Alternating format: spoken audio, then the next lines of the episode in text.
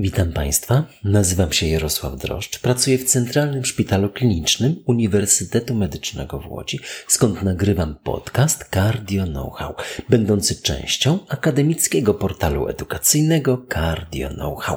Jest on przeznaczony wyłącznie dla profesjonalistów i odzwierciedla wyłącznie moje osobiste poglądy.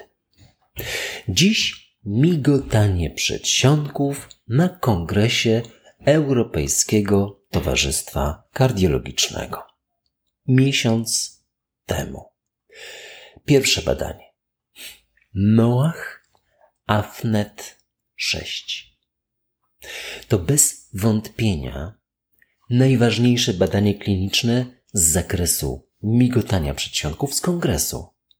No jak i najbardziej przydatne klinicznie, najczęściej przydatne klinicznie i będzie przydatne dla Państwa coraz bardziej. Gdyż spotkaliście się Państwo z pewnością z sytuacją, że pacjent przedstawia Wam zapis samodzielnego monitorowania EKG. No, podwyższony puls zegarka, sygnał arytmii z urządzenia mobilnego.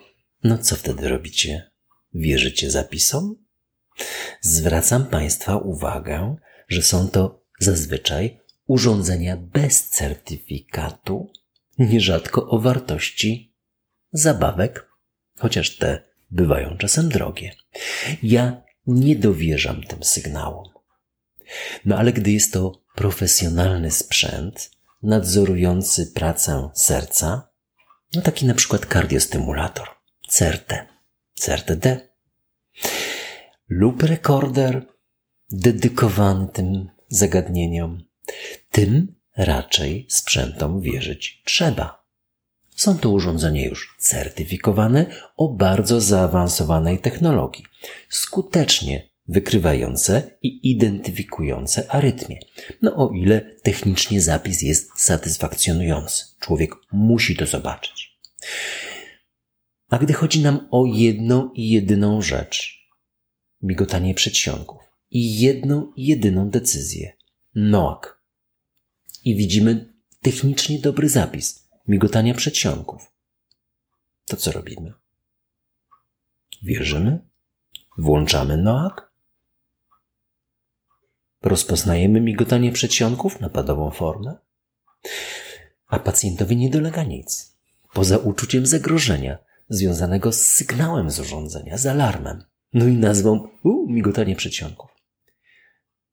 Nagdy jeszcze na dodatek czac dwa wask przekracza dwa. Czy mamy włączyć wówczas Noak? No bo o Noaku dziś mówimy coraz częściej. To coraz większe wyzwanie w naszych gabinetach. Wierzyć, że to jest migotanie przedsionków, gdyż widać go gołym okiem i włączyć przeciwudarową, skuteczną przecież ochronę przez Noak, czy też nie włączać Noak, uznając, że to nieco sztuczne warunki. Monitor, monitorowanie rytmu przez cały okrągły rok, całe życie, bezustannie. Wytyczne mówią, a Państwo się, ja mówię sobie, a Państwo zastanawiacie się, co odpowiedzieć. Włączycie czy nie włączycie? Wytyczne mówią, że gdy pacjent ma objawy, zgłasza się do nas, ma 30-sekundowy zapis EKG, czas dwa wask co najmniej dwa, równa się włączyć NOAK. A lub rekorder, czas dwa wask powyżej dwóch, też mamy traktować tak samo, włączyć NOAK. 206 ośrodków w 18 europejskich krajach, także Polska.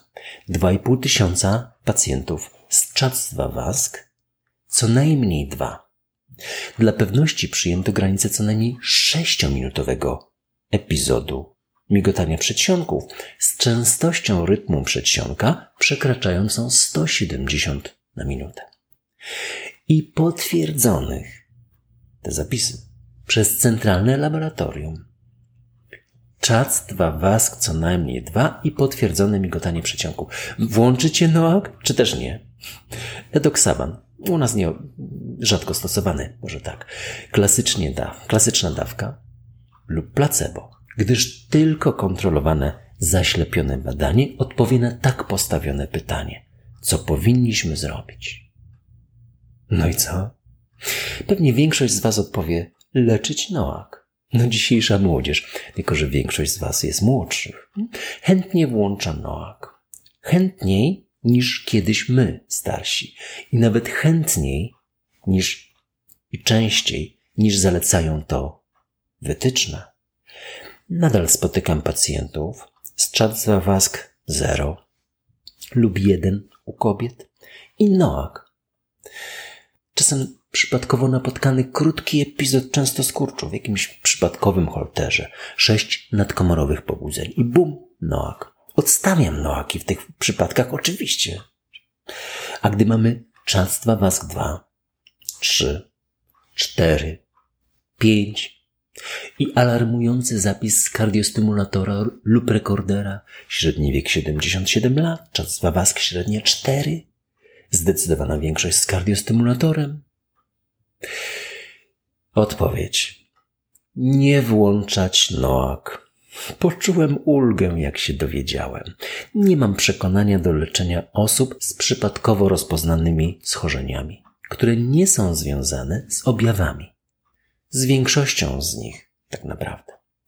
Włączenie NOAK na podstawie zapisu z kardiostymulatora u bezobjawowych pacjentów wiąże się pomimo obecności migotania przedsionków w tym zapisie.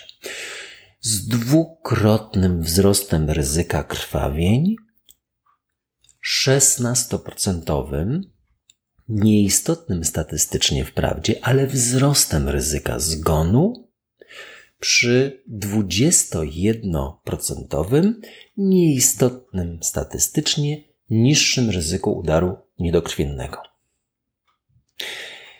Ta sentencja nie odkrywa całości wyników.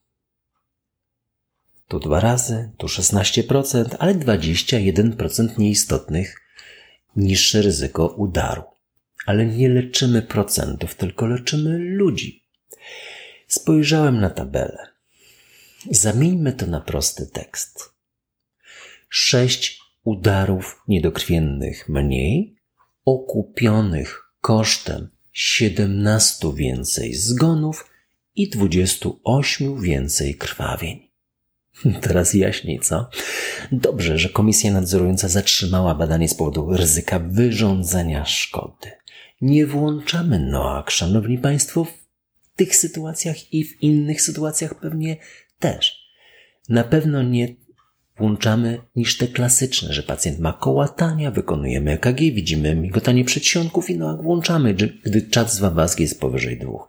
Ale u asymptomatycznych pacjentów z przypadkowym zapisem migotania przedsionków nie. Dlaczego? Gdyż mamy bardzo niskie ryzyko udarów niedokrwiennych w tej grupie. To bardzo ważny klinicznie wynik badania.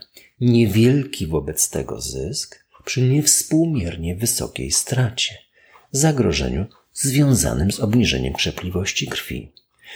Osobiście rozciągnąłbym wniosek z tego badania na migotanie przedsionków wykryte przez zegarki, smartfony, urządzenia przenośne. Ta fala do nas dopiero przyjdzie. No a wśród autorów nasz łódzki profesor Andrzej Lubiński. To ten sam gdański Andrzej Lubiński i gdyński Andrzej Lubiński. To ta sama osoba.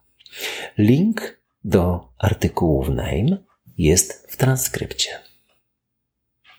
Drugie badanie. COP AF. Kolchicyna. Stary alkaloid z nowymi zastosowaniami bądź próbami tych zastosowań. Stary lek, nadal stosowany w ostrym napadzie dny moczanowej. Nowe zastosowanie to przewlekłe zespoły wieńcowe rekomendowane trochę, ale ja osobiście nie stosuję kolchicyny w tym wskazaniu. No a gdyby tak zastosować go jako lek przeciwzapalny, bo tak działa, działający antyarytmicznie, no przecież pooperacyjne migotanie przedsionków to bardziej efekt zapalenia. I przeciwzapalnie działający lek mógłby pacjenta uchronić.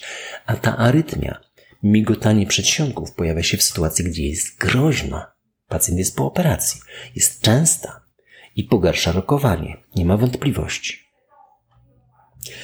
3200 pacjentów.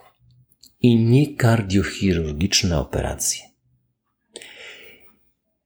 I niewielka, 15% nieistotna statystycznie redukcja migotania przedsionków, okupiona trzy razy wyższą częstością występowania biegunki. Porównajmy. 17 migotań przedsionków mniej i prawie 100 osób z biegunką. No raczej łagodną, ale zawsze, w tym okresie życia. Nieopłacalna strategia. Ten artykuł wydrukował The Lancet, a link jest w transkrypcie, a transkrypt na Cardio Know-how. I dwa badania nam zostały. Frail HF. Co piąta osoba z zespołem kruchości ma migotanie przedsionków. To migotanie przedsionków aż czterokrotnie częściej kończy się udarem niż u osób bez zespołu kruchości. Leczyć zatem za pomocą antykoagulacji zdecydowanie trzeba. Annoak jest bezpieczniejsze i zdecydowanie bardziej wygodne. To prawda czy fałsz? No, prawda u osób bez zespołu kruchości. No ale czy prawda w zespole kruchości? Wygodna to jest strategia NOAC. Tak, ale czy jest bezpieczniejsza? Wytyczne mówią o NOAC, jako że są to leki z wyboru do antykoagulacji nowo wykrytego migotania przedsionków. Wytyczne mówią o przewagach NOAC nad antywitaminami K, VKA. I sprawdzamy, jak wyjdzie w życiu. 1300 pacjentów, 83 lata średnia, czadztwa wask 4. Po zamianie z VKA na NOAC, hmm, co myślicie Państwo? 69% więcej krwawień. Głównie krwawień tak zwanych dużych. Zaskoczyły mnie te wyniki. Spodziewałbym się odwrotnych. Śmiertelność niemal identyczna, dlatego nie rozpatrywałbym tego tak jak to autorzy tego badania. Autorzy napisali, zamiana z VKA na NOAC w zespole kruchości nie. Ja bym raczej zalecał eksplorowanie mniejszych dawek NOAC, chociaż były eksplorowane, identyfikację pewnej podgrupy, gdzie może to być skuteczniejsze, albo równie skuteczne jak VKA, ale znacznie, znacznie bardziej wygodne. Pomyślmy o rodzinie, transporcie krwi do oceny INR-u. Praca została wydrukowana w Circulation, a link jest w transkrypcie. I ostatnie badanie. Castle HTX.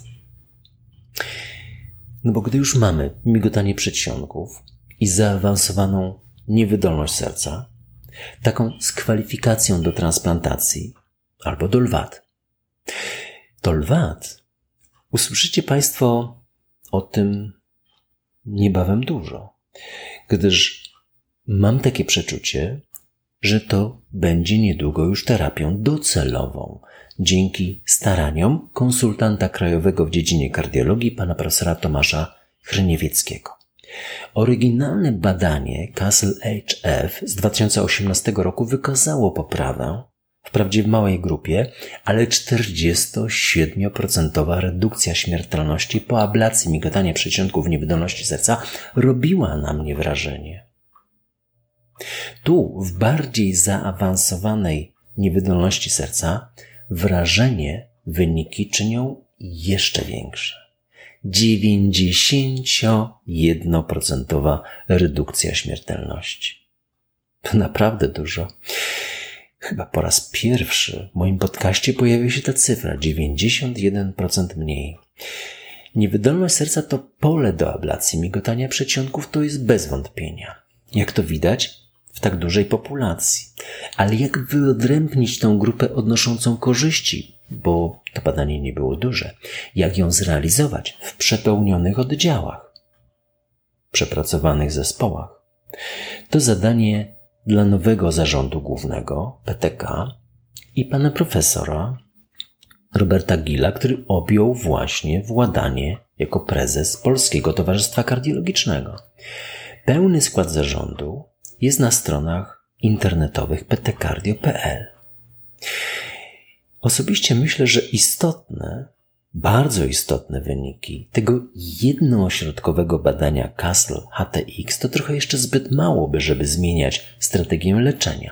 Warto zauważyć, że graniczącą wielkość lewego przedsionka uzgodniono na 60 mm i nie więcej.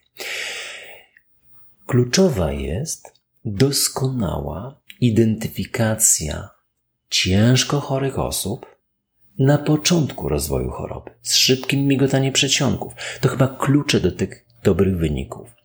Szybka kwalifikacja na początku ciężkiej choroby o dużej dynamice, szybkie migotanie przedsionków. No i badanie nie było zaślepione. Pacjenci wiedzieli, to jego znaczne, znaczne ograniczenie. I tym razem link jest w transkrypcie do pełnej publikacji, która została opublikowana w NAME. Tyle na dziś. Nie będzie cotygodniowej lektury, gdyż na kongresie PTK byłem dłużej niż Państwo. Przyjechałem wcześniej niż zdecydowana większość z Was, a wyjechałem później. Bardzo, bardzo dla mnie miłym elementem kongresu Polskiego Towarzystwa Kardiologicznego było wybory. Były wybory na przewodniczącego zupełnie nowo powołanej sekcji Polskiego Towarzystwa Kardiologicznego, sekcji kardioonkologii. Niektórzy z Was już wiedzą, ale ku zaskoczeniu mojemu wygrałem te wybory i mam ogromny zaszczyt przewodniczyć najlepszemu zarządowi sekcji na świecie. Zarządowi sekcji kardioonkologii.